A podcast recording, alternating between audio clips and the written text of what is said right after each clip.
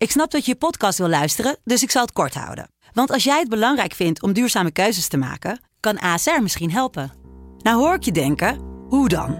Nou, bijvoorbeeld bij het duurzaam herstellen van schade. Of de premies die we beleggen volgens ons duurzaam beleggingsbeleid. Dat bepaalt waar we wel en juist niet in investeren.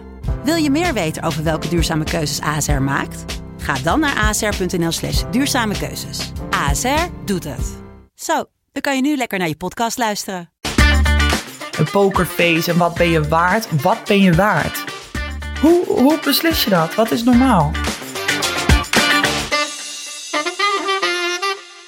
Lieve luisteraars, welkom bij Over de Top, de podcast. De podcast waarin wij je meenemen in ons unieke en bizarre topsoortleven. Ik ben Laura Dijkma vanuit Rusland. Bij mij zitten Meert Schoot vanuit Nederland, Maret Gothuus vanuit Griekenland en Robin de Kruijf vanuit Italië. Nou jongens, uh, afgelopen aflevering hadden we het natuurlijk over liefde gehad. En uh, Robin, heb jij je date gevonden of niet? Um, nou, er was wel meer, uh, waren meer aanmeldingen dan verwacht, maar ik, ik denk niet dat hij ertussen zit. Um, maar uh, ja, we geven niet op hoor. Nee, kijk, ik, uh, ik ga kijken als ik weer in Nederland kom. Weet je, dan moet je niet overhaasten zulke beslissingen. Dus, uh, Heel goed. nee, want die eerste, dat is hem ook meteen, hè, waar je mee op date gaat. Dus ja, ja. ja. No pressure. En, en Maret, heb jij nog een naam gevonden voor jouw mooie cactus? We hadden wel, luisteraars hadden wel een paar goede inzendingen gedaan. De katkus. Ja, ja, ja. De katkus. katkus. of kutplant. Of tijger. Oh. Of poes. Maar ik vind die katkus wel leuk. Ja, maar uh, leeft u überhaupt nog? Ja, ik heb hem één keer oh. water gegeven. En ik heb aan de bloemist gevraagd hoe vaak het moest. Het moet dus twee keer in de maand. nou, ja, nou, ik, moet ik dus jij durft ook? nou, ik heb wel even onthouden. De, vorige week dus de eerste keer. Dus over twee weken moet ik weer dan uh, anderhalf week. Zo'n verantwoordelijkheid, die meid. Ja, nee, nu ga ik het ook goed aanpakken ook. Stuur je nog een reminder. ja, hey, uh, en Maret, hoe is het verder in Griekenland? Laten we naar het rondje langs de velden gaan. Ja, is het wel goed. Uh, we hebben afgelopen zaterdag hadden wij een wedstrijd in Santorini. En uh, daar moeten we naartoe vliegen, want het is een eiland. Maar we gingen zaterdagochtend vliegen en zaterdagavond moesten we spelen. Dus dat was best wel pittig. En ja, dat ben ik niet, uh, dat kan ik gewoon niet meer aan. Gelukkig hebben we 3-1 gewonnen. Uh, we stonden 2-0 voor in de derde set. Godverdomme, verloren we. Dus nog een extra set. Maar uh, ja, drie punten. We staan nog steeds bovenaan. En volgende week hebben we de derbies. Dus beginnen we tegen AEK Athene, dan Olympiakos en dan PAOK. Dus dat is wel weer belangrijk. Ja. Maar ik ben wel even benieuwd, hoe ga je dat dan doen als je straks uh, gaat afbouwen in Nederland? Ga je dan bij Sliedrecht uit, ga je dan een hotelletje boeken de avond? nou, dat zou zomaar kunnen. Ja. of ik lig nou, net op de achterbank, weet je wel, dat ik niet hoef te rijden. nou, maar even, het is dus echt wel wennen. Ik ben het zo. ook zo niet meer gewend om in sporthallen te spelen waar je dan niet van tevoren getraind hebt. Je gaat gewoon mm. altijd een dag van tevoren of zo. En ja. ik zit nu echt ook gewoon drie, vier uur in de auto voordat we een wedstrijd spelen. En dan rij je zelf. Nou, dat ja. is ook echt, ja, ik weet niet. Ik weet niet wanneer dat voor het laatst is dat ik dat gedaan heb. Maar dat is echt lang geleden, ja. En is het Heel koffie, raar. koffie, koffie en dan ga je dat veld op. Ja. ja, jij kent me. Ja. ja. ja. ja. En jij, Meert? Um, ja, verder rest, uh, ik heb hier, uh, het is eigenlijk wel rustig. Ja, ik ben heel druk met school. En um, uh, nou, het is, heeft hier heel erg gestormd. En naast ons zijn ze aan het verbouwen, naast ons huis. Er staat een enorme hijskraan. En ja, dat is wel een beetje spannend, ja. Maar, um, en, en we hebben gewoon getraind. En vrijdag reed ik naar huis. En ik geloof dat ik op een gegeven moment niet eens meer opkeek... dat er een vrachtwagen gewoon gekapseist in de, in de berm lag. En dacht ik, oh, is dat een bord? Oh nee, is een vrachtwagen. Oké. Okay. ja, echt bizar. Echt gewoon zulke harde wind. Maar um, ja, verder rest eigenlijk niet heel veel spannends. Uh, ge getraind en gespeeld. En uh, ja, as usual. Bij jou, Lau? Want je hebt een hele mooie achtergrond. Ja, leuk hè? Speciaal voor Robin opgangen. Nee. nee, ik heb allemaal ballonnen hier achter mij staan, want ik ben jarig geweest. Ik ben alweer 32 geworden afgelopen week. En, Lang um, zoals het leven. Nou, hoeft niet over. en en ehm, ja, was, eh, was wel heel leuk. Die meiden hadden er echt aan gedacht. Eh, zoals je eh, kan zien op mijn achtergrond eh, voor de luisteraars, die zien niet. Maar eh, ik heb heel veel ballonnen gekregen en heel veel bloemen, cadeautjes. Dus ik heb me echt wel heel erg jarig gevoeld. Het was leuk. Al moet ik wel zeggen dat eh, mijn shine wel een beetje op mijn verjaardag werd weggepikt door Robin. Want Robin die moest zo nodig op mijn verjaardag bekendmaken dat ze ging stoppen met het Nederlands team. Dus eh, alle aandacht ging naar Robin. Dus nou ja, bij deze Rob geef ik je maar wat extra aandacht. Hoe is het met jou? Want jij hebt best wel een, een mededeling gedaan afgelopen week. Ja, nou, dat is alles wat ik wou. Gewoon een beetje aandacht. eh, nee. ik heb er serieus over nagedacht ook. Toen, toen ik het inderdaad over op social media voorbij zag komen. En ik dacht van, ah, lullig dat het dan net op die verjaardag van Lau is. Ja, Maar, ja, ik ook wel net doen nu. Nee, ja. Dit had ik gewoon zo gepland, jongens. Ja, precies. Nee. nou ja, ik heb aangekondigd inderdaad ehm, dat, dat ik met het Nederlands team ophoud. En eh, nou, eh, ze hadden een heel mooi, uh, Nevobe had een heel mooi eh, filmpje daarover gemaakt. Wat, ehm, nou ja, waar Yvonne en ik allebei aan het woord komen. Yvonne die er ook mee stopt. Eh, ze waren ook helemaal naar Italië toegevlogen om daar ook echt de interviews te doen. En ehm, ik moet zeggen, toen ik het filmpje aan het kijken was, dat ik echt nog wel even dacht van, ach jeetje, wel, je, wat hebben we mooie dingen meegemaakt. En eh, Mhm. eh, van, eh, maak ik nu wel de juiste keuze? En gewoon omdat je dan echt de mooie dingen, de emoties ziet. En ik denk, joh, van ja, dat, dat, dat heb ik straks gewoon niet meer. Het is gewoon klaar. Maar, maar daarna ook wel heel snel, nou ja, realiseren dat ik, dat ik toch gewoon liever lekker de zomer vrij heb. Nou, Ja, want wij hebben de luisteraars ook gevraagd van, eh, weet je, als je een vraag hebt voor Robin, stel hem. Ehm, en eh, er waren ook heel veel mensen die vroegen gewoon echt waarom. Waarom ben jij gestopt met het Nederlands team? Ja, nou ja, jullie weten het al een tijdje. En, maar eh, dat, dat ik ook gewoon niet lekker met mezelf eh, in, de, in de hal stond, zeg maar. Dus dat ik gewoon mezelf niet zo'n leuk persoon meer vond. Omdat ik gewoon zo geïrriteerd was en heel snel boos. En eh, dat ik dacht van, ja, maar wat, wat ben ik hier nou aan het doen? Ja, Laura, wat zit je nou te lachen? Ja, op wie was je boos dan? Ja, Waar nou komt dat door, Nou, zeg maar? gewoon heel, heel makkelijk geïrriteerd ook. En dan van ik wil meer en we moeten pushen. En dan ook gewoon eigenlijk geïrriteerd dat ik daar in de hal stond. Ik dacht van wat doe ik hier? Weer hele maar dan dagen op geïrriteerd dat het niveau dan te laag is? Of, of, of de, de trainer of de coach? Of, Nee, ja, ik Of denk ook wel Laura, gewoon... of wie, wie. Of ja, mij, ja. nou eigenlijk op jullie alle drie vooral. Ja. Wij zijn de reden. ja. De why. Nee, maar ik denk toch ook gewoon dat ik gewoon mentaal ook echt wel moe was. En eh, ah, ja, ik denk dat, dat heel veel mensen niet eens begrijpen hoe, eh, hoeveel energie het ook ehm, neemt om een heel jaar eigenlijk van huis weg te zijn. Dus eh, nou ja, ik heb nu eh, afgelopen zomer heb ik een vrije zomer meegemaakt. En ik heb voor het eerst in zeven jaar dat ik in Utrecht woon, heb ik mijn buren leren kennen. En eh, heb ik een beetje eh, mijn buurtje daar, Lombok, eh, on- ontdekt. Ik dacht van jeetje, om de hoek zit een park. Nooit geweten joh. Gewoon omdat wij altijd, als ik in Nederland was, was gewoon constant was ik op Papenal. Of dan gewoon lang uit op de bank, eh, lang uitgestrekt. En eh, dan ook echt niks meer willen doen. Dus ehm, nou ja, en zo langzaamaan, eh in het begin van de zomer was het allemaal, jeetje, vreemd. Van wat doe ik zonder volleybal? En langzaamaan begon ik echt wel een beetje een leven voor mezelf te, te creëren. En dat het nu wel heel erg, ja, ik heb er gewoon heel veel zin in om dat weer op te pakken van de zomer. En nou, misschien ook wel dat het versneld is door, door COVID ook. Want ja, bij de club ook. Van, er, er is gewoon heel weinig buiten het volleybal. Dus dat zou ook wel meegespeeld hebben. Maar Ja. ehm, nou, in ieder geval dat ik gewoon veel meer zin heb om... Of tenminste, dat ik het ook echt nodig heb. eh, om, om die vrije tijd te hebben. Dan, dan toch nog dat speciale WK in eigen land mee te maken. Ja, want het was dat voor jou wel, niet ook eh, een trigger? Dat je dacht van dat WK, dat lijkt me dan nog wel misschien dan een reden om nog even langer door te gaan? Ik heb er wel over nagedacht. Van, eh, jeetje, het is wel, ja, ik kan nog één toernooitje doen. Eh, en dat zou op zich zou juist ook wel weer een hele mooie afsluiter zijn. Maar ja, maar het, ding is van, ik, ik kan met mijn lichaam, kan ik niet even een paar weken gaan trainen en dan eh, instappen.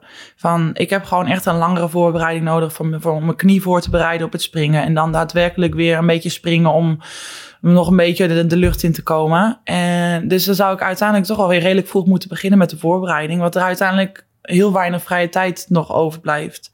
En dan heb ik ook altijd van ja, er is altijd weer een volgend ding. Dus nu is het WK een eigen land, wat natuurlijk heel mooi is. Maar dan komt het eigenlijk ook alweer heel snel dat je denkt van ja, misschien dat ik nog even die kwalificatie voor de volgende Olympische Spelen mee kan pakken. En dan er is elk seizoen is er weer een groot belangrijk toernooi. En ik denk ja, waar houdt het op een gegeven moment ook op? Mhm. Ja. Maar ehm, is het helemaal definitief definitief? Of eh, stel je voor, je zou een maandje voor de Olympische Spelen in Parijs eh, kunnen instappen. Zou je dat dan nog wel doen?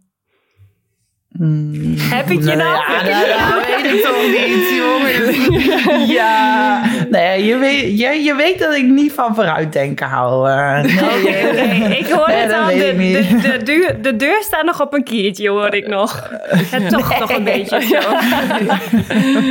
Nou, ja. Als wij gestopt zijn, dan gaat ze misschien wel mee naar de Olympische Spelen. nou ja, dan zijn wel die triggers weg, inderdaad. Ja, nou, er was wel een luisteraar, die, eh, Ilse, Ilse Boen, die vroeg van... eh, vind je dat je je vriendinnen in de steek laat? Welke vriendinnen? Ik wist dat die, Hij was heel makkelijk. die andere, die andere elf uit ons team. Oh, ja. nou ja, ik denk, ja, ergens wel. Ehm, ja, ik denk dat we dat altijd wel hebben als teamsport. Van, je wil constant weer voor, voor, voor, voor de rest van de meiden, voor de rest van het team, dat je maar weer op komt draven. En eh, eh, ik denk dat het wel iets makkelijker nu was, omdat ik eigenlijk gewoon al een paar eh, zomers eh, niet, niet mee heb gedaan of nauwelijks mee heb gedaan. Dus er zijn ook heel veel jonge meiden die ik gewoon überhaupt niet ken. Eh, en de rest van de, de- die ik wel ken, die begrijpen het ook wel. En die zijn volgens mij, ja, die, die zag iedereen het ook wel aankomen, Ja. denk ik, toch? Jullie zagen het wel aankomen. Ik had toch? niet verwacht dat jij terug zou komen, nee. Nee. En Nee. misschien, inderdaad, wat Laura zegt, dan een maand voor een groot toernooi. Maar wat je nu zegt, ook met je knieën, of met je knie, dat je wel echt de voorbereiding nodig hebt. Ja, dan heb je inderdaad weinig tijd. Dus, Ja. en, ik Ja. weet, en fysiek en mentaal, om en een hele zomer te doen en een hele winter weer. Poeh, pittig. Ja, ik Ja. denk ook dat, ja, ik, eh, ik weet ook wel dat er wel eh, echt een hele goede arts ook, ik eh, allemaal wel kennen, maar die ook zegt van, volgens mij is er geen topsportprogramma wat zo extreem is, zeg maar, als het volleybalprogramma, waarin je eigenlijk gewoon ook echt twaalf maanden per jaar gewoon volle bak moet gaan. Want je hebt of, zeg maar, druk met de club, of je zit eigenlijk al in een toernooiperiode bijna direct met het Nederlands team. En dat is gewoon fysiek en eh, mentaal gewoon best wel heel pittig. Ja, dus Ja. ja. Nou, Ik en je hebt dus ook meiden... dat- Oh, sorry. Ja? Oh. Nee. Nou ja, ik wou zeggen, je hebt ook genoeg meiden in, in Turkije. Heb je er een aantal die echt gewoon nog aan een aantal jaar meegaan. In Brazilië, eh, eh, die gewoon op oudere leeftijd nog steeds, die willen gewoon alles opgeven voor het nationaal team. Het enige is wel, die spelen het clubseizoen ook gewoon in eigen land. Ik denk dat het Ja. wel een Ja. verschil maakt van, dan ben je in ieder geval thuis. En dat Ja. heeft bij mij op een gegeven moment dat ik dacht van, jeetje, weet je, ik heb niks in Nederland op het moment. Ehm, nou ja, dus nu kom ik jullie lekker aanmoedigen. Nou, ik wil nog wel even zeggen, Rob, dat eh, toen ik ook dat filmpje zag, eh, wat, eh, wat op mijn verjaardag dus online was gekomen. eh, ik vond het wel echt heel mooi, hele mooie beelden. En ik, ik, moest, ik zeg niet dat ik moest huilen of zo, maar ik werd wel een beetje emotioneel. Dat ik dacht van, gadver, het is nu wel echt klaar of zo. Dat vond ik wel een beetje verdrietig. Ik vind het een heel gek idee dat ik waarschijnlijk gewoon nooit meer met jou in een team ga staan. Dat ik jou nooit meer een sit-up gegeven. Dat vind ik wel heel raar. Nou, we gaan toch, eh, kunnen we niet ergens in Amsterdam een keer een, eh, een clubje vinden? Oké, we gaan wel een keer weer een beachvolleybalveldje afhuren. ja. Ja. Ja, ik vind het ook echt, echt wel heel erg jammer. Weet je, als je het weet of zo, kun je met elkaar nog ergens naartoe leven om het af te sluiten of zo. Of om, eh, ehm, maar ik ben ook wel echt, ik ben ook wel echt heel blij en heel trots of zo dat je je hart volgt. Wat ik misschien, eh, weet je, wat eh, tien jaar geleden zou ik misschien denken, zou ik het ook misschien wel persoonlijk nemen of zo, weet je, echt heel jammer. En denk van, kun je ons dit nu aandoen of zo? Hm. En nu ben ik vooral heel blij dat ik denk van, nou, weet je, dit is gewoon echt goed voor jou. Ja. Ja. Nou, bedankt Maarten. Niet dat ik me er echt druk om maakte, maar... eh, I know, I know. oh. Ja. Nou, zullen we naar het eh, thema gaan? Yes. Ja. Nou, het hoofdthema van deze aflevering is keuzestress. Want naast dat Robin natuurlijk de definitieve keuze heeft gemaakt om te stoppen met het Nederlands team, is het ook gewoon nu weer de tijd waarin de transfermarkt weer begint te rommelen. Uh, de play- play-offs komen eraan. Uh, de clubteams lopen tegen het einde van het seizoen aan. En nog voordat er iets is gewonnen of verloren, zijn de clubs alweer druk in de weer met de teamsamenstellingen voor het volgende seizoen. Um, het is een drukke periode voor onze spelersmakelaars. En ook wij moeten dan natuurlijk de aanbiedingen op een rij leggen. En vooral voor onszelf beslissen wat we volgend jaar met ons leven willen. Nou, um, over deze transferperiode gaan wij uh, wat stellingen behandelen. Dus laten we meteen doorpakken uh, naar de eerste stelling. En stelling 1 is: Het Nederlands team is van belang om in de picture te komen bij clubs. Nou, die sluit mooi aan uh, op jou, Robin. Dus uh, brand jij maar los. ja, nou, dat is de enige reden waarom ik ooit Nederlands team heb gedaan. Nee, jongens, al nee. dat was een grapje, voor als iemand denkt dat dat echt is. Nee. Um, nou ja, dat, dat, het, het werkt, het helpt zeker wel. Uh, ik had in het begin, ik had het toen ik jong was eigenlijk helemaal niet zo door. En uh, ik weet nog dat we toen naar Montreux gingen. En uh, nou, er komen er toch ook wel spelersmakelaars naar je toe. En ehm, van clubs die, daar, die dan toch ook wel geïnteresseerd zijn. Ik dacht, waar komt dit dan opeens vandaan? Maar leuk, mm. weet je wel. En, maar die, die tribune zitten dan inderdaad helemaal bij, bij zulke kleine toernooien, voorbereidingstoernooien van de, voordat het nationaal teamseizoen eigenlijk uh, begint. Die zitten gewoon echt vol met, met scouts en, en uh, spelersmakelaars. Omdat daar gewoon vaak de jonge meiden uh, toch eindelijk een speelkans krijgen. En nou ja, het, werkt zeker wel. En het werkt ook voor het publiek die je naam leert kennen. Uh, waar, waar je dan ook weer een fanbasis mee opbouwt. En dus ja, ook presidenten van clubs die, die je naam kennen. En wat dat betreft, dat werkt, helpt wel. Ja. ik hoorde dus ooit van een spelersmakelaar, zo gauw je op de lijst komt van een Nederlands team dat gelijk clubs gaan informeren hoe en wat, welke positie, wat doet ze, alles erover. Dus uh, ik denk dat het echt, echt heel erg helpt uh, om je in de picture te spelen. Ja. Ook al speel je niet, ook al ben je geen basis, uh, ja, je wordt toch interessanter. Ja. Okay. Nou je, je, je, je valt natuurlijk onder de beste speelsters van, uh, van je land. Dus dan kan ik me ook wel ja. voorstellen dat dat uh, inderdaad interessant is. Ik denk ook vooral wanneer je jong bent dat het uh, super interessant is en dat je in de picture komt. Maar ik vraag me af, zeg maar, zoals nu voor Robin, voor jouw carrière maakt het natuurlijk helemaal niks meer uit. Want je hebt in, inmiddels zo'n naam gemaakt dat, dat de clubs kennen je allemaal wel. Um, of denk ja. je dat jouw marktwaarde bijvoorbeeld nu naar beneden gaat omdat je geen Nederlands team doet of zo? Mm, nee, nu nog nu niet. Absoluut um, niet, Robin. Kom op zeg. Iedereen nee, nee, kent nee. jou. Nou, doe eens even rustig, jij. Nee, ja, is een compliment, hè? Hey. nee, ik wou, ik wou zeggen, ja, nu, nu niet. Uh, maar ik kan me bijvoorbeeld ook wel voorstellen op een gegeven moment van als je dan. Uh, als ik dan bij uh, mindere clubs zou gaan spelen of dergelijke, dan heb je niet meer het Nederlands team waar je nog eventjes ook nog in de kijker kan spelen. Nu ben ik nog in het zicht, omdat ja, Champions League, uh, Europees. Dus daar, daar kijken veel mensen naar. Maar op een gegeven moment, als je dan weet ik het, lager gaat, uh, gaat spelen, kan ik me ook wel voorstellen dat dat. Uh, dat je dan ook dat, dat het Nederlands team daar dan ook wel weer zou kunnen helpen, zeg maar. Om je markt, marktwaarde op ja. te, te krikken. Ja, als je dus eigenlijk is het gewoon zo lang dat je gezien wordt. Ja.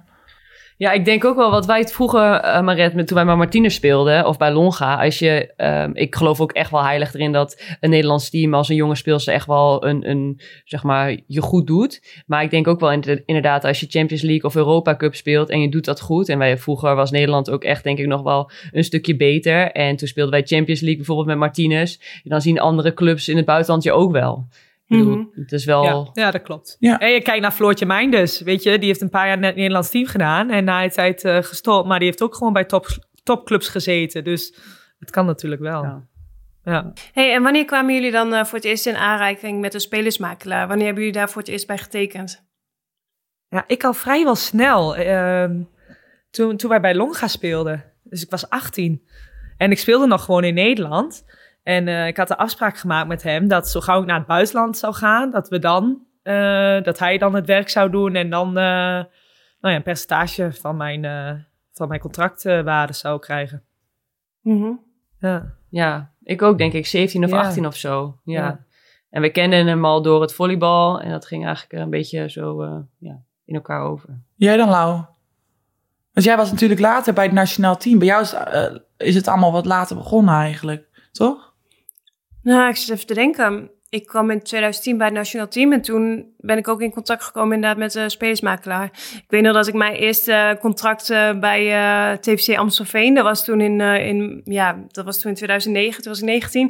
Daar heb ik toen zelf nog eh, met de, de manager van de club in de kantine gezeten en die zei toen van ja, je krijgt 125 euro eh, netto per maand en, eh, en een, eh, ja, wat hadden we toen, een auto of zo? Nou, Eh, ja. ik dacht, mooi, 125 euro per maand.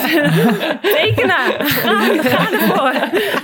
Ja, en toen daarna heb ik gelukkig een spelersmakelaar ook eh, gekregen. En, eh, en zijn de volgende contracten iets beter geregeld. Dus, eh, ja. ja, ik denk dat we dus wel over eens zijn dat we in eerste stelling dat het Nederlands team wel van belang is om in de picture te komen, toch? Nou, het maakt het wel een heel stuk makkelijker, ja. Of, of inderdaad Europees. ik denk dat het ook echt wel helpt. Maar ehm, ja, dat, het maakt het makkelijker. Eh, de tweede stelling is, je hebt geen spelersmakelaar nodig om bij een buitenlandse club te tekenen. Hè, wat, een, wat een tongbreker is dit, zeg. Spelersmakelaar. Sorry, vertel. Heel mooi. nou, ik denk dat het. eh, ehm, dat je geen idee hebt als je het eerste jaar naar het buitenland gaat. Nou, volgens mij heb ik al eerder in een podcast een keer verteld dat ik op het vliegveld zat en echt kaart moest janken. Je hebt gewoon geen idee eh, hoe het daar gaat. Je spreekt de taal eh, niet supergoed. Ehm, je hebt geen idee wat daar normaal is, wat de normen en waarden zijn, hoe die dingen gaan.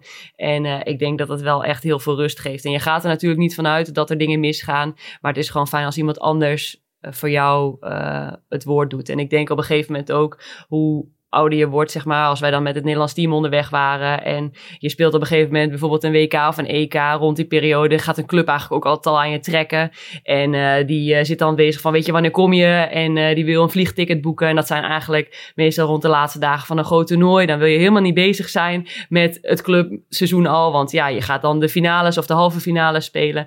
Dus ik denk dat een manager daar ook heel fijn en heel goed, zeg maar, ehm, al die ballast bij jou weg kan halen en, en weg kan houden. En ervoor kan zorgen dat jij je alleen maar op het volleybal kan focussen. En net zoals dat aan het eind van het seizoen, dan komt net zoals nu een beetje die transfermarkt komt op gang. En dat is eigenlijk ook het moment dat dat het belangrijkste eh, moment aanbreekt voor de club. Want dan worden de prijzen verdeeld. En als je dan, ik was daar best wel gevoelig ook wel voor, als je dan je hoofd nou ja, eh, een beetje verliest in de zin van, oh, wat moet ik en wat ga ik doen volgend jaar? En eh, ja, weet je, dat, dat, is, dat moet je volgens mij gewoon niet willen. En daar kan een manager, voor mij vond ik dat altijd heel fijn, echt wel, zeg maar, heel veel dingen wegnemen en een beetje filteren van, weet je, wat, wat zeg ik wel, wat zeg ik niet. Eh, ja, dat vond ik altijd wel heel erg prettig.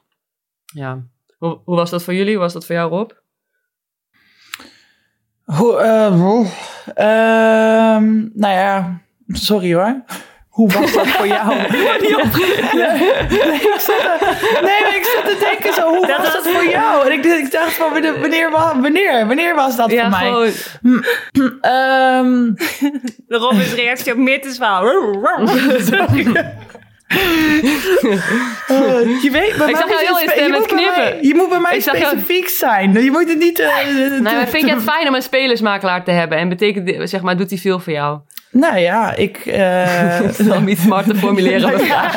Hoe was dat bij jou? Nee, ik zat echt te denken, maar op welk manier, wa- op welk moment was was, zeg maar. Wanneer was dat? Nou ja. Moet je het zelf wel Ehm, invullen? Maak ja, dat doe gewoon. ik, Wees doe ik. creatief. Yo.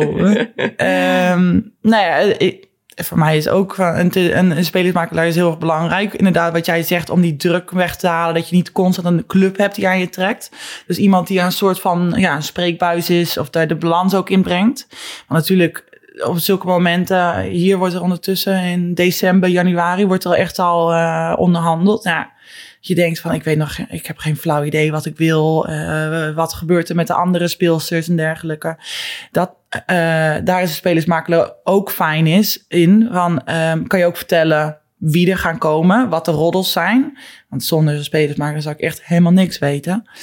Ehm Daarnaast soms ook. eh, gooien ze die roddels ook wel expres hè, in de wereld. om ja, gewoon maar het spel te spelen, het pokerspelletje. Want dan gooit een, een agency gooit een roddel in de wereld, zodat andere clubs daar weer op gaan reageren. Het is echt een en al pokerspel. Ja, hoor. want als ik bijvoorbeeld maar één aanbod heb en, eh, en de roddel gaat rond dat er nog een andere club interesse heeft getoond, dan ga je wel na, het opeens veel meer geld vragen.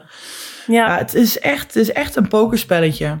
Ja. Maar, eh, nou ja, en daarom van, eh, ik ben er helemaal niet goed in, in, eh, in dat gedoe ook. Ook met onderhandelen en eh, een pokerface en wat ben je waard? Wat ben je waard? Hoe, hoe beslis je dat? Wat is normaal? Ja. Ja. ja. Dus, Ja, en de eh, makelaar die weet meestal ook wel een beetje het budget van een club. En die weet wat, eh, wat hij voor je kan vragen natuurlijk. Ja, wat is normaal voor jouw positie, leeftijd, eh, kwaliteiten, eh, noem maar op. Ehm, dus, dus ja, ik, ik zou echt niet zonder spelersmakelaar kunnen. Ik ken ook meiden die het inderdaad wel, er zijn er heel weinig, maar er zijn een aantal die de club dan wel zo goed al kennen, ook gewoon al wat ouder zijn. Eh, vaak wel in hun eigen land in ieder geval. Dus eh, het zullen niet vaak buitenlanders zijn die hier in Italië zelf een onderhandelingen gaan doen. Maar het komt wel eens voor dat, eh, dat ze het dan zelf doen. Nou, vind ik knap. Maar, en verder trouwens ook, een spelersmakelaar, mijn spelersmakelaar die regelt bijvoorbeeld ook de accountant. Dus dat mijn belastingen hier worden geregeld. Ja, dat zijn ook allemaal dingen. Ik zou het gewoon zelf niet weten hier in Italië. Nee. Hoe ga je dat doen? Nee. Ja, Het is wel Dus, lastig eh, in Nederland, laat staan in een ander land. ja. dat is toch zo? Ja joh, ja, Ja. echt. Ja. Maar het is ergens ook wel apart, want op een gegeven moment gaan wij zelf ook ergens werken. Dan kom je ook niet met iemand aan. Ja, dit is degene die mijn zaken waarneemt, die doet de contractuele onderhandelingen. Dan ga je ook zelf in gesprek. Nou, goed, ik het- denk dat Robin haar moeder wel meeneemt, hoor. Ja, sowieso. Ja, sowieso. Marcella doet al die onderhandelingen. Ja hoor, die komt, eh, die komt met een, eh, een boekwerk aanzetten. Met, eh, met regels, dingen die we willen hebben, eisen. Nee. Ja. Nee. Oh. Nou ja. Nee, Nou dat is ja, best zeker. apart. Dan ja, moet dat je wel ook- voor jezelf, eh, voor jezelf gaan praten. Ja, Ja, ja het dat hoeft wordt nog lastig. nou ja, als je er wat uit wil halen, zou ik het wel doen. Maar Ja, maar je kan toch ook gewoon een of andere PA of zo nemen dan? Wat Oké, ga jij met, eh, met- kom jij met je personal assistant? ik zie Laura al binnenkomen hoor. Met eh, zo'n wijfje dat achter eraan tippelt. Ja. zonnebrilletje. die doet dan ook, ja, ik wil zeggen, die doet ook de sollicitatiegesprekken dan voor jou. Of, Ja, zeker. Nou, ik was meer van plan eigen baas te zijn en geen sollicitatiegesprekken te gaan voeren. dat is ook een goede. ja, dat is Goals, nou ja, dat Ja. zien we nog wel. En jij Maret? Jij wou net wat zeggen. Nee, maar dat heeft helemaal niks met dit onderwerp te maken. Dus, eh, nee, ik heb altijd wel eh, in het buitenland. Ik heb natuurlijk een aantal problemen gehad. Ja, dan was ik echt blij dat ik een spelersmakelaar had. Een Mhm. aantal keren weggegaan in het midden van het seizoen bij een club. Omdat ze niet betaalden, afspraken niet nakwamen. Ja, dat had ik niet aan moeten denken dat ik dat zelf had moeten doen. En ook weer om een andere club te vinden ehm, in het midden van het seizoen. Eh, en vooral juridisch en al die dingen qua contract, dat is zo lastig. eh, vind ik in ieder geval heel lastig om dat zelf te regelen. En eh, Hmm. nu kun je tekenen en eh, ja, kun je gewoon verder met volleybal. Ja. Ja, Ja, ik heb ook zo'n beetje zo'n situatie gehad. Ik heb toen eh, eh, 2017, 18, toen had ik een tweejarig contract bij Novara getekend. En ehm, toen wa- waren we kampioen geworden in dat eerste jaar. En toen na dat kampioenschap kreeg ze een andere coach. En eh, ja, de club die kreeg ineens hele andere plannen, want ze gingen Champions League spelen. En ik had al lang gehoord via via dat er een andere setter had gete- getekend daar in Novara. Maar tegen mij hadden ze nog steeds niks gezegd. Dus, eh, en dat duurde maar, en dat duurde maar. En toen zei mijn eh makelaar ook van, nou ja, weet je, we houden gewoon de poot stijf, want jij hebt daar een contract. Laat ze maar komen met het nieuws. En toen kwamen ze super laat in de zomer kwamen ze van, eh, ja, misschien is het wel goed dat Laura gaat uitkijken naar een andere club. Ja, want we hebben ook een andere setter, een andere buitenlandse setter. Ja, en toen was het al best wel laat dat alle goede teams zeg maar al een, eh, een set hadden gecontracteerd. Dus toen heb ik ook gewoon, ehm, ja, ook vanwege mijn thuissituatie, toen ook wel met mijn moeder zeg maar, heb ik er ook wel bewust voor gekozen om niet meteen bij een andere club te tekenen en gewoon rustig af te wachten. Maar uiteindelijk heeft mijn, mijn makelaar heeft toen ook alles supergoed opgelost. Ik heb mijn hele contract uiteindelijk uitbetaald gekregen. Eh, ik heb een goede andere club gevonden. En eh, dan moet je wel een soort van vertrouwen ook wel met je makelaar hebben, dat, dat die het ook wel voor je oplost, zeg maar. Dus ik denk dat een vertrouwensband en een goed gevoel bij een makelaar ook wel heel belangrijk is of zo. Nee, maar je, je hebt inderdaad ook gewoon heel veel slechte makelaars. Eh, en, ik heb ook gehoord van makelaars die jonge meiden eh, contracten aanboden. En inderdaad, wat jij had, Lau, met oh, 125 euro per maand, mooi. Nou ja, dan teken je een contract met de spelersmakelaar voor, eh, wat is het, eh, vijf eh, tot tien jaar. Ehm, en die spelersmakelaar, die, die onderhandelt dus alleen maar met een aantal clubs. En, en hij neemt daar dus het grootste percentage ehm, aan geld van die clubs neemt hij aan. Dus eigenlijk blijft die speelster dus maar met een heel klein percentage. Krijgen echt heel weinig geld krijgen ze, krijgen ze uiteindelijk. Maar ja, als je jong bent, dan eh, klinkt het allemaal mooi. Van prima, ik Je krijg hebt zoveel geen geld. idee. En Ja. iemand die het onderhandelt en eh, totaal eh, misbruikt in, in die zin. Ja. Dus ehm Maar Ja, hebben ook toch ook zoveel gehad? van die... Ja, Wij hebben ook een contract van vijf jaar aangeboden gekregen. En dan kon je met drie clubs samenwerken. En dan ging je stap voor stap omhoog. Maar Ja. dan lagen de bedragen al wel vast. En als je Ja. 18 bent of 23, ik denk dat je zo'n groei ma- doormaakt, dat je dan de hele marktwaarde al heel anders is. ja. klopt. Nou, als ik nou terugdenk inderdaad van wat er toen, eh, wat wij in die vijf jaar konden krijgen, wat er in het contract stond en wat we uiteindelijk hebben gekregen. Dat, ik denk dat dat eh driedubbel, vier keer Ja. zoveel was. Ja. Ja, want dat was toen een plan en dan konden we tekenen en dan kreeg je dan een vijfjarig contract en dan begon je bij een club eh, misschien in Nederland en daar kreeg je een bepaald bedrag voor en dan zou je het jaar daarna zou je naar een andere club gaan in, eh, weet ik veel, was toen eh, Frankrijk of Zwitserland en zo zou je ieder jaar een stapje maken naar een betere club en ieder jaar iets meer gaan verdienen en dat stond al inderdaad van tevoren al vast. En dat was ook echt zo'n burgercontract, dat was vijf jaar en daar kon je ook echt niet onderuit komen. Als je eerder wou stoppen, dan zou je echt heel veel geld moeten betalen om er onderuit te komen. En ja, als je zo jong bent, op dat moment lijken dat supermooie bedragen misschien. Maar je hebt geen idee, inderdaad. Nee. Ik ben Nee. wel heel blij dat we dat allemaal niet hebben gedaan toen. Nee. Ja. Ik ook echt, ja. Want ook want als je vastzit aan zo'n club, van wat nou als er echt een topclub is eh, die, die jou wil hebben. En dat zou ook goed zijn om in te groeien, of voor, ja, om te presteren. En je kan daar niet heen, want je zit vast inderdaad met die Ja. drie clubs. Van, het is met een aantal echt goede speelsters dat gebeurt. Ik dacht van, het is zo zonde, weet je. Hadden echt een paar van de beste speelsters ter wereld kunnen zijn. En gewoon Ja. vastgezet eigenlijk, klem gezet. Ja, het is zo fijn, dat moet ik wel zeggen, dat, eh, dat van mijn makelaar vind ik het wel heel fijn dat die ook echt wel heeft meegedacht in je carrière. Van, ik ben bijvoorbeeld eerst naar Duitsland gegaan en ik heb daar gewoon eh, veel kunnen spelen, of in ieder geval bij clubs gezeten waar ik ook echt de concurrentie aan kon gaan. Eh, dat je veel speeltijd en kansen had. En daarna pas de stap gemaakt naar bijvoorbeeld Italiaanse competitie. En ik zie nu ook best wel bij wat jongere meiden, die al best vroeg een bijvoorbeeld naar een team gaan in een Italiaanse competitie en daar op de bank gaan zitten. Terwijl ik denk niet per se dat dat een goede route hoeft te zijn. Want Italiaanse clubs die trainen niet per se heel veel, hebben weer veel wedstrijden. En dan zit je misschien wel bij een goed team. Maar ik weet niet per se of dat voor jonge spelers echt een goede ontwikkeling is. Ik denk, ik heb wel het dat heel veel jonge meiden ehm, niet realiseren dat bij een topclub de prioriteiten gewoon totaal anders liggen. Want een coach gaat niet op jou focussen en die gaat jou niet allemaal aanwijzingen geven en jou erbij pakken om nog even wat extra werk te doen. Van misschien kun je wat extra werk doen met een assistent trainer als je daar zelf om vraagt. Maar de prioriteit ligt uiteindelijk bij de, de zes of zeven speelsters die aan het moeten spelen zijn. presteren. Ja. want er moet gepresteerd worden. Ehm, en ik denk dat, dat het toch ook wel heel vaak onderschat wordt. Mhm. Ik, maar ik vind ook wel ergens, wordt het ook onderschat van de rol van de spacemakelaar, Ja. weet je. Ehm, ehm, dat is altijd een soort van wisselwerking. Weet je, de spacemakelaar heeft ook zijn eigen belangen. En wie weet heeft hij er heel veel belang van bij om een jonge speelster bijvoorbeeld goedkoop bij een andere, bij zo'n club neer te zetten. Want dat vult voor hem weer een plekje op. Heeft helemaal niet per se, zeg maar, dat het een goede toekomst is voor die speelster. Ja. Nee, zeker.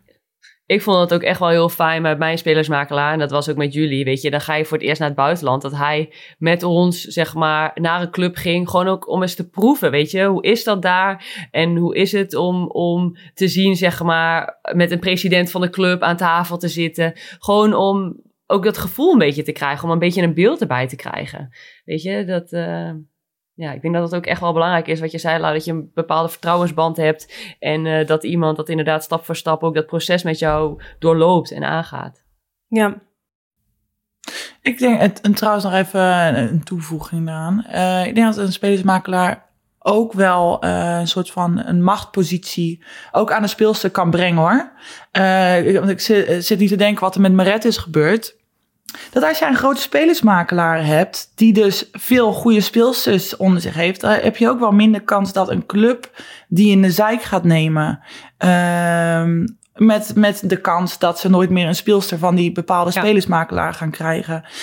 Als jij geen spelersmakelaar hebt, ben je wel ook een stuk kwetsbaarder. In, Mhm. Ja, in de zin wat jij net zegt, Meret, van eh, iemand die dat sowieso al niet regelt. Van anders zou je er in je eentje staan. Maar dus ook inderdaad dat het makkelijker eh, met jou te fokken is eigenlijk. Ja. Eh, als je niet nog een machtiger persoon, dus die spelersmakelaar achter je hebt staan.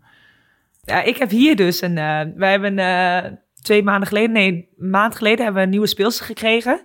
En wij hebben hier dus ook een buitenlandenregel. Dus mogen drie buitenlanders in het veld staan, maar ook op papier. Dus dat is de max. En zij kwam hier, we zijn in totaal met vier buitenlanders. En zij wist dus niet dat er maar drie op papier mogen. Dus Ja. zij heeft nu één wedstrijd gespeeld tot nu toe. En de rest zit ze op de tribune. En het is haar eerste seizoen. Dus het is. Maar wat, wat doet zo'n makelaar dan? Dat snap ik echt Ja. niet. Vertel je haar dat dan niet als ze tekent? Ja. Nee, ja, belachelijk. Nou, het is wel grappig, want ik had laatst eh, had een eh, jonge Nederlandse zetter die had mij gecontact. En die eh, vroeg advies inderdaad over dit onderwerp, over makelaars. En ze had een paar opties. En ik heb haar toen wel aangeraden om niet bij haar concurrent van haar leeftijd te gaan tekenen. Want haar concurrent die had al bij een agency getekend. En ehm, zij zat dus over die na te denken over, over een ander.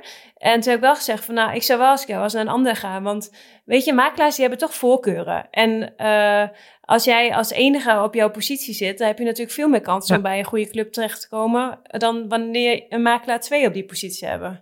Dus Ja, en helemaal inderdaad hetzelfde soort van dezelfde leeftijd, ervaring, dergelijke.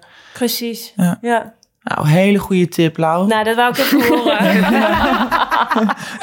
Weet je, Als er- je mag me altijd sliden in mijn DM voor Ja, advies. ik wil zeggen, als er nog meer mensen met vragen zijn, ga naar Laura A- Dijkema. Adviesbureau Dijkema is geopend.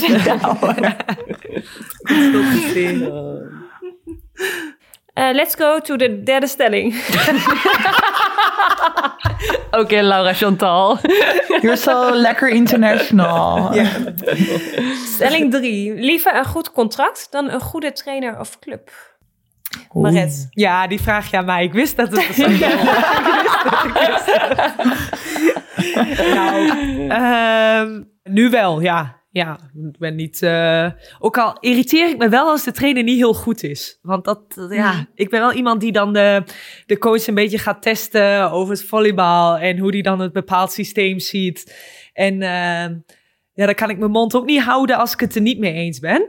Ja, jij bent zo'n irritante wijsneus. Ja, Ja, ik ik, ga... denk dat je heel irritant bent voor trainers, inderdaad. Die een beetje onzeker zijn. Die kan jij echt helemaal Oh, gek maken. ja, bam, bam, bam. Ja, ja. Nou, Ja. ik ben wel, ja, ik ben wel zo'n persoon die dan de coach even gaat testen met een aantal vragen en kijken wat hij dan antwoordt. Ja, Ja. maar ja, dat, even kijken of je volleybal weet of niet.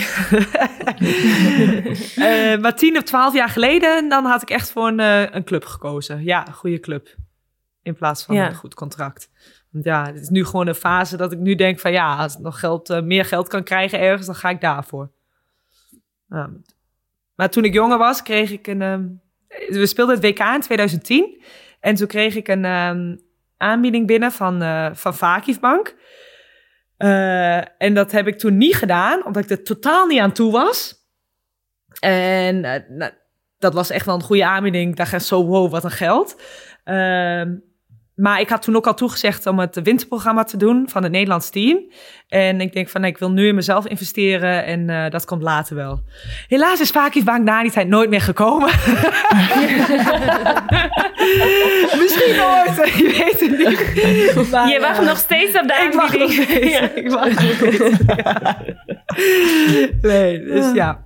Het eh, lag er dus echt aan bij mij, eh, ja, wanneer. En ik was er op dat moment echt niet aan toe. Ik was 1 of 22. Ik denk, nou, ik zie mezelf echt niet het eerste jaar in buitenland, in Turkije. Nee, absoluut niet. Maar wat was op dat moment dan eh, voor jou de doorslaggevende factor om te kiezen voor een club? Was dat dan echt je gevoel, zeg maar? Ja, ja. Of locatie? Gevoel en, en ook wel locatie. Um, ik, uh, tweede jaar dat ik in Italië speelde, zat ik echt in een klein dorp. En toen kwam ik er wel achter van, nou, dat, dat hoef ik niet weer in een klein dorp te spelen. Daar word ik uh, niet gelukkig van. Ja. Mm -hmm. Dus locatie, gevoel, ja, en natuurlijk ook wel het contract. Ja. ja. ja. Jij, Lau? Ja, ik sta er wel hetzelfde in als jou, Maret. Ik denk dat, uh, dat vooral vroeger volgde ik wel heel erg mijn gevoel altijd. Wat ik net ook zei van, uh, weet je, in het begin wou ik echt wel investeren met veel spelen bij clubs. En in ieder geval de kans hebben om veel te kunnen spelen, om te ontwikkelen. Ik denk dat dat voor jonge zetters ook echt wel belangrijk is om op jonge leeftijd echt wel veel te spelen. En niet te veel op de bank te gaan zitten. Um, ja, het is toch uh, net als wijn, hè? Weet je, hoe, hoe ouder, goede wijn, hoe ouder, hoe meer ervarende, uh, hoe beter, zeg ik dan maar. Hè? Nee, maar... Um, het mag ook allemaal geknipt worden. Nee, dat is wel leuk, dat is wel leuk. Maar met spelverdeelsters is dat echt zo. Ja, toch? Ja. ja. Ik denk ja, dat ervaring. echt ervaring en uh, inzicht en dat het alleen maar beter wordt. Ja, en daarvoor moet je denk ik gewoon wel heel veel spelen. En, en dat heb ik vroeger, daar heb ik echt wel mijn keuze op gemaakt. En um, ik, het was niet dat ik ieder jaar zeg maar heel veel aanbiedingen had. Dat ik dacht van heel veel keuzestress daarin had. Het was altijd wel het doel van mijn makelaar dat wij altijd twee goede aanbiedingen hadden liggen, zeg maar. En dat ik dan een keuze kon maken tussen die twee aanbiedingen. En da dat gaf me ook wel een soort van rust, zeg maar. Oké, ik heb twee opties en ik ga of voor die of voor dat. En um, ik heb bijvoorbeeld... Uh, toen ik in Firenze speelde, uh, mijn tweede jaar. Toen had ik nog niet bijgetekend voor mijn derde jaar. En toen kreeg ik een aanbieding vanuit Moskou. Nou, ik had nog nooit zoveel geld uh, in mijn leven gezien hoe zo'n aanbieding dat was. Maar op dat moment voelde dat zo niet goed. Ik kreeg er zo'n buikpijn van als ik over na moest denken dat ik naar Rusland moest gaan. En um, ja, ik zag dat zo gewoon niet zitten. Het voelde gewoon niet goed op dat moment. En toen... Uh, heb ik dat dus niet gedaan. En heb ik wel bijgetekend in Firenze. En dus ik heb heel vaak mijn keuzes wel echt op mijn gevoel laten leiden, denk ik. En um, uiteindelijk zit ik nu wel in Rusland en ik ben blij dat ik dat nu heb gedaan, want nu voelt het ook goed. Zeg maar, het is wel heel koud, maar het voelt wel zeg maar, goed. het is weer gezegd deze aflevering. Ja, Het is nog steeds koud in Rusland. Nee, maar het is, weet je, ik ben, ik ben, het is wel echt van, uh, je moet wel echt een beetje op leeftijd zijn, zeg maar, om dat aan te kunnen. Dat je gewoon uh, vertrouwen hebt, weet ik veel, in jezelf. Of dat je dit levensstijltje aan kan. Het is goed dat je als jonge speelster bijvoorbeeld niet naar Rusland gaat. Daar ben ik nu echt wel achter. Ja. Denk je ook niet dat het dan uh, meewerkt dat je die aanbieding al een keer eerder hebt gehad? Dus dat je misschien al iets aan het idee hebt kunnen wennen. En dat het een tweede keer dat het dan wat makkelijker is of dat je er dan meer voor open staat? Um, ja, want ik kreeg zelfs toen, het jaar voordat ik naar Locomotief ben gegaan uh, in Rusland, toen had ik ook al een aanbieding van die club. En toen heb ik het dus ook niet gedaan. En toen dacht ik van, nou ja, uh, dan kon je inderdaad wel langzaam een beetje aan het idee wennen. En ik heb ook wel altijd wel gezegd, vroeger ook tegen jou, Maret, volgens mij wel van, nou, weet je, later aan het eind, richting het eind van mijn carrière, wil ik nog wel naar Rusland. Omdat ja, Rusland is voor vooral voor zetten, zeg maar, is het enige land waar je financieel gewoon echt wel veel geld kan verdienen. En ja, weet je, je investeert toch al je hele carrière naar zo'n moment. Je werkt er wel een beetje naartoe. Dus uh, ja, langzamerhand heb ik er wel aan kunnen wennen. Maar ik, dat was wel de eerste keuze die ik maakte. Dat ik dacht van, nou, ik moet mezelf echt een schop de, om mijn kont geven. Ik moet het nu gaan doen ook. Ja. En jij, Meert? Um, ja, ik denk dat uh, uh, het voor mij wel een beetje um, uh, ook wel anders is. Omdat uh, natuurlijk ook wel als libero heb je in het buitenland uh, maar een beperkt aantal keuzes eigenlijk waar je speelt. Want heel veel landen, zeiden jullie net ook al, hebben een buitenlandersregeling. En dan kunnen er maar drie buitenlanders of op papier staan of drie in het veld of zo. En ja. nou, er worden in heel veel competities gewoon geen libero's, uh, geen buitenlandse libero's zeg maar aangenomen. Um, nou, ik geloof dat er één buitenlandse libero in Italië zit. Ik weet niet eens of er eentje in Rusland zit, maar het zijn er in ieder geval heel weinig. Um, en ik weet voor mezelf dat, um, ja, ik heb altijd, ja, we hebben het erover gehad, grenzen verleggen en zo. Ik heb voor mezelf eigenlijk altijd wel uh, voor clubs gekozen waarin ik mezelf uitdaagde of zo. Of waarin ik dacht van dat ik dingen kon leren. Ik vond het aan het begin best wel spannend ook om naar het buitenland überhaupt te gaan. Ik vond van mezelf dat ik dat moest doen. Um, maar ik vond het elke keer wel weer doodeng. En ik ben ook echt achteraf wel blij dat ik ehm, eh, die keuzestress niet... Ik heb heel vaak wel meerderjarige contracten getekend. Dat ik niet ieder jaar weer opnieuw daarover na moest denken van... Goh, wat gaan we nu doen? En eh, wat wil ik en zo. Meert? Dus, ehm, Want jij was natuurlijk eerder, was je altijd Pasen lopen. Heb je Ja. nooit gedacht om eh, te switchen, weer terug te switchen of als Pasen lopen naar het buitenland te gaan?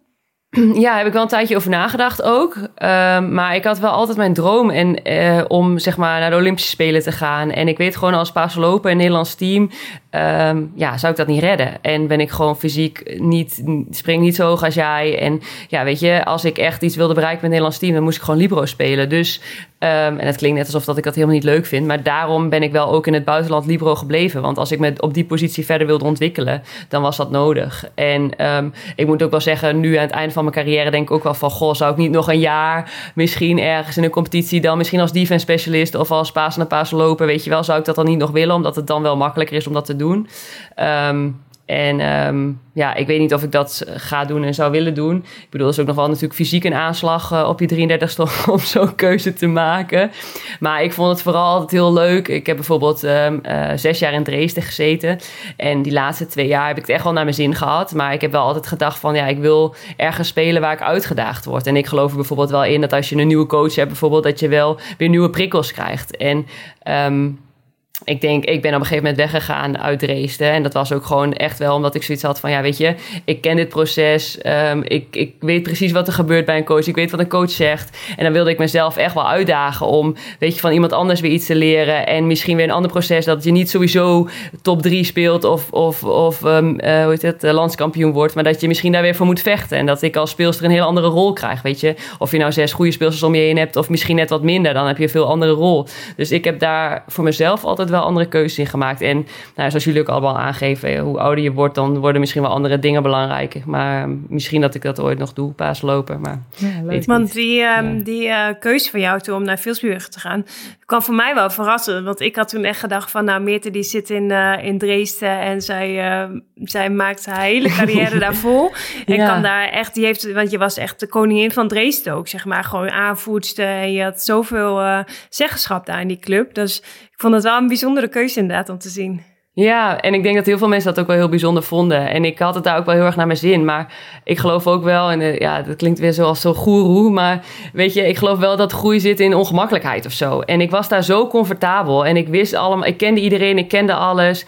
Ik, ik kende de coach, weet je wel, van voor tot achter. Zelfs als hij dan boos werd of zo, dan wist ik, weet je wel, twee dagen later komt hij weer. En dan maakt hij het weer goed. Weet je, je, Mhm. kent, je kent gewoon alles. En Ja. ja, daar word je gewoon niet meer beter van. Dus dat was voor mij, en dat was ook een hele rare keuze. Ik denk dat heel veel mensen hebben gedacht van, goh, weet je wat gaat ze doen? Maar ik denk dat ik daar zoveel beter van geworden ben en zoveel geleerd heb. En ja, dat dat voor mij eigen ontwikkeling echt heel goed is geweest. Ja. Ook al speelde ik geen Champions League meer. En eh, ja. ja. Nou, ik vind het juist mooi, omdat het niet voor de hand liggend is. Dat je Ja. dat soort Ja. dingen doet. Ja. Robin, hoe, is, hoe is dat voor jou dan? Eh, heb jij liever een goed contract of maak jij een keuze meer eh, eh, gebaseerd op de club? Ehm, nou, ook altijd heel erg op mijn gevoel gekozen. En in het begin vooral ook investeren inderdaad. Ehm, dus wat, wat er eerder al is gezegd, gewoon waar, waar kan ik spelen? Waar is er een goede coach om, om van te leren? Ehm, daarna iets meer gekeken naar waar kan ik daadwerkelijk nou ja, spelen, maar ook presteren en dingen winnen. Ehm, en eh, ja, maar ik begin nu ook wel iets meer het... het ehm, inderdaad het gevoel, gevoel te hebben dat geld belangrijker wordt. Ehm, dat ik ook denk van, ik heb meer dingen gewonnen. Ik zou nog wel eh, bij een, ik wil op dit moment nog wel bij een club spelen waar ik daadwerkelijk ook nog wel kan winnen. Want ik voel me gewoon nog wel goed, fysiek goed. En ik heb het idee dat het nog niet voorbij is. Dat ik nog niet, nog, niet, niet over mijn top ben. Maar ik sta er wel veel meer voor open. Dus bijvoorbeeld eh, Azië is ooit een, een optie geweest. Eh, en dat vond ik toen echt ook doodeng. En wat jij net zei, Lau, gewoon echt pijn in mijn buik ervan. En ehm, dat ik ook echt, er moest het, moest het geld wel heel veel zijn. eh, om, om die balans te brengen met het ver van huis zijn. Ehm, maar ik zou er nu in ieder geval iets minder angstig tegenover staan. Dat ik ook denk van ja, zoveel jaar hebben we nou ook niet meer te spelen. Van, eh, er zit, er zit ook een, een houdbaarheidsdatum op. En eh, die komt Ja. opeens in zicht. Dus ehm, dat ik me ook Ja, wel want- steeds meer, meer realiseer van hierna... Ja, we moeten wel een, eh, een spaarpotje hebben wat dat betreft. Want dan opeens staan we weer met, eh, met lege handen eigenlijk. Ja. Maar sportief erop is het ook best wel lastig, denk ik. Want je hebt de Champions League gewonnen. Ehm, als je sportief een keuze wil maken, waar kun je dan nog naartoe, zeg maar ook? Nou, dat is, op een, nou, dat is Ja. op een gegeven moment wel inderdaad ook dat ik me dat ook eh, afvroeg. Inderdaad. Dus ik heb er ook over nagedacht. Van ik zit hier nu zes jaar bij deze club. En dat ik op een gegeven moment ook dacht van ja, misschien is het ook wel is het tijd voor een nieuwe uitdaging. En dan, ehm, dan inderdaad ook van ja, maar waar ga ik dan heen? Want we winnen hier alles. En er wordt hier gewoon er zit een, een goede eh, president, goede club zit erachter. Gewoon, je weet dat zelfs als er veel meiden weggaan, dat er gewoon altijd weer een goede structuur, een goed team wordt gebouwd. Ehm ik, eh, ja, ja, Oké, Robin, nou fijn. Voor je fijn voor deze toevoeging. Lekker kort ook. Dus eh, ja. ik denk ik pak mijn moment eventjes. Dan kunnen we nu door naar de topvraag. De top, top, top, topvraag. Hele goede vraag. Wat een leuke. Wow, topvraag. De topvraag van deze week is van Jelijn00. Haar vraag is: Hebben jullie ooit spijt gehad van een kleuze voor. eh, hebben jullie. Haar vraag is: Hebben jullie ooit spijt gehad van een keuze voor een club? Meert. Nee, nee, ik heb nooit spijt gehad. Nee. Nee, eigenlijk niet. Ik heb al wat Oké, ik zei. lekker kort. Ja, ja, lekker kort. Ja, ja. Nee, ik zit even lang na te denken. Ik heb wel de laatste twee jaar dat ik in de race was, dat ik achteraf misschien wel dacht van... ehm, ehm, had ik niet al eerder weg moeten gaan, omdat ik heel lang bij dezelfde trainer zat, zeg maar, wa- wa- wat ik net aangaf. Maar ehm, daar heb ik ook achteraf geen spijt van gehad, want ik heb in de laatste twee jaar ook nog echt heel veel geleerd en Champions League gespeeld en het heel erg naar mijn zin gehad. En ja, ja dus eh, nee. Kort en mondig antwoord. Maar Red, we gaan door. Nou, ik heb eh, bij een club in Italië gespeeld, bij Bolzano. En daar was ik niet heel gelukkig. Ehm, ik kwam na de Olympische Spelen. Nou, daar hebben we het eerder al over gehad. Dat ik echt wel moeite had om na de Olympische Spelen weer gemotiveerd naar de club te gaan. Eh, ik zat met een halve rotte enkel. Eh, ik speelde niet goed. De organisatie was kut. Het team was, ja, we, we speelden niet voor de eerste, ja, we moesten voor de eerste acht spelen, maar we stonden denk ik 10, 11e plek. Eh, dus het was elke week wel, wel veel stress. Ehm, dus nee, ik heb daar echt, eh, ja, of nou, spijt is een groot woord, maar ik was daar echt niet gelukkig. Maar had je dat van tevoren kunnen weten? Op het moment dat je die keuze maakte? Ehm nou, ik heb van tevoren, ik wist welke set er zou komen. En ehm, zij kon niet snel spelen. Dus eigenlijk had ik daar meer naar moeten luisteren. Dat ik denk van, kut, daar had ik meer te, beter over na moeten denken. Dus wij konden elkaar totaal niet vinden in het veld. En waarom had je dan toen toch wel voor die club gekozen? Eh, omdat het een goede aanbieding was. Dus Oké, daar gewoon. Ja. Ik had er zo'n gevoel. Ja, oh ja. Goed.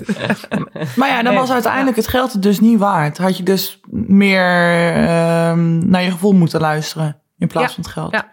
Dus, ik, ja, dus uiteindelijk ben ik... Ik was ook zo ongelukkig. En op een gegeven moment zei mijn makelaar... Maret, pak het vliegtuig en ga naar Nederland. Ik zei, je hebt ook Mm. helemaal gelijk. En toen zijn we eruit gekomen met de club en ben naar Nederland gegaan. En op dat moment had ik nog geen andere club, dus het was wel, ook wel een risico. Uiteindelijk bij Fenerbahce in Turkije terechtgekomen, dus eh, alles is helemaal goed gekomen. Laura, heb jij nooit spijt gehad van een keuze die je gemaakt hebt? Nee, ik heb ook nergens spijt van gehad. Ik ben helemaal eh, blij eigenlijk wel met hoe alles is gegaan. Ik ben juist heel erg blij dat ik eh, toen twee jaar voor Novada had getekend. En dat ik toen op een gegeven moment ook zonder contract kwam te zitten. En dat ik toen heel veel tijd met mijn eh, moeder door kon brengen, die toen op dat moment eh, ziek was. Dus eh, achteraf, zeg maar, was dat misschien qua carrière gezien zeg maar, een heel ongelukkig moment. Maar voor mij privé heeft dat echt supergoed gedaan. Ja. Dus ehm, achteraf ben ik eigenlijk heel blij mee met hoe alles is gelopen. Dus dat. Ja, goed. Nou ja, dan, eh, dan zal ik hem even afmaken. Ik heb ook nergens, eh, nergens spijt, van. Ik denk dat ik ook heel veel geluk heb gehad met ehm, de mogelijkheden waar ik van clubs, de aanbiedingen die ik heb gekregen. En ook net geluk had dat ik daar dan ook daadwerkelijk kon, kon spelen. Want ik denk dat er uiteindelijk geluk ook echt wel een rol speelt. Ehm, maar ik denk dat, dat, dat mijn carrière, ehm, dat het echt, ja, ik had het echt niet anders uit kunnen plannen. Hey Rob, ben jij de succesvolste speelste eh, qua clubseizoen in, eh, van Nederland? Nee, nee, nee, nee, dat denk ik niet. Nee. Nou, denk ik wel eigenlijk. Wie nee, er zijn, ehm, Ingrid heeft ook eh, ooit Champions League gewonnen. Eh, Ja. Maar, d- ik, Maar weet, hoeveel ik weet niet finales of heb je al gespeeld? Ja, Lonneke dan. Ah, Lonneke ook. Ja, Ja. Lonneke natuurlijk. En ik denk dat je het Ja. ook niet echt allemaal heel erg met elkaar kunt vergelijken. Want door de jaren heen zijn natuurlijk de competities ook heel erg veranderd. Van wat is de sterkste competitie van Europa? bla, bla. Dat is ooit ook nog in Spanje was er ook nog een sterke competitie. Wat er nu natuurlijk ook helemaal niet meer is. Dus nee, dat denk ik niet hoor. Dan ben je weer lekker bescheiden. Ja. Ja. Zoeken we even en als, Ja, straks Dat als, zie het je als wel. Het staat je goed. Ja. Ja, bedankt. Het staat Zou je je, goed. zou je vaker moeten doen, Rob? Je lekker Ja, ja, opstellen. Hallo, Meert. Sinds wanneer, sinds wanneer sta je aan de rechtskant? Nou. Nou, meiden, volgens mij zijn we er wel weer doorheen. Ehm, als de luisteraars nog meer vragen hebben over dit onderwerp, dan kunnen ze ons eh DM'en via het over de topcast. Eh, stel daar ook je topvraag voor de volgende aflevering. Kom in onze Wall of Fame. En ehm, die deed met Rob ik dan ook altijd nog recht. Daar kijken we enorm naar uit, naar alle aanmeldingen. Die mogen blijven komen. Ja. Ja, ja. Tot de Gaan we nu- volgende keer. Gaan we nu ook nog afsluitend zingen? Money, money, money. Must be funny.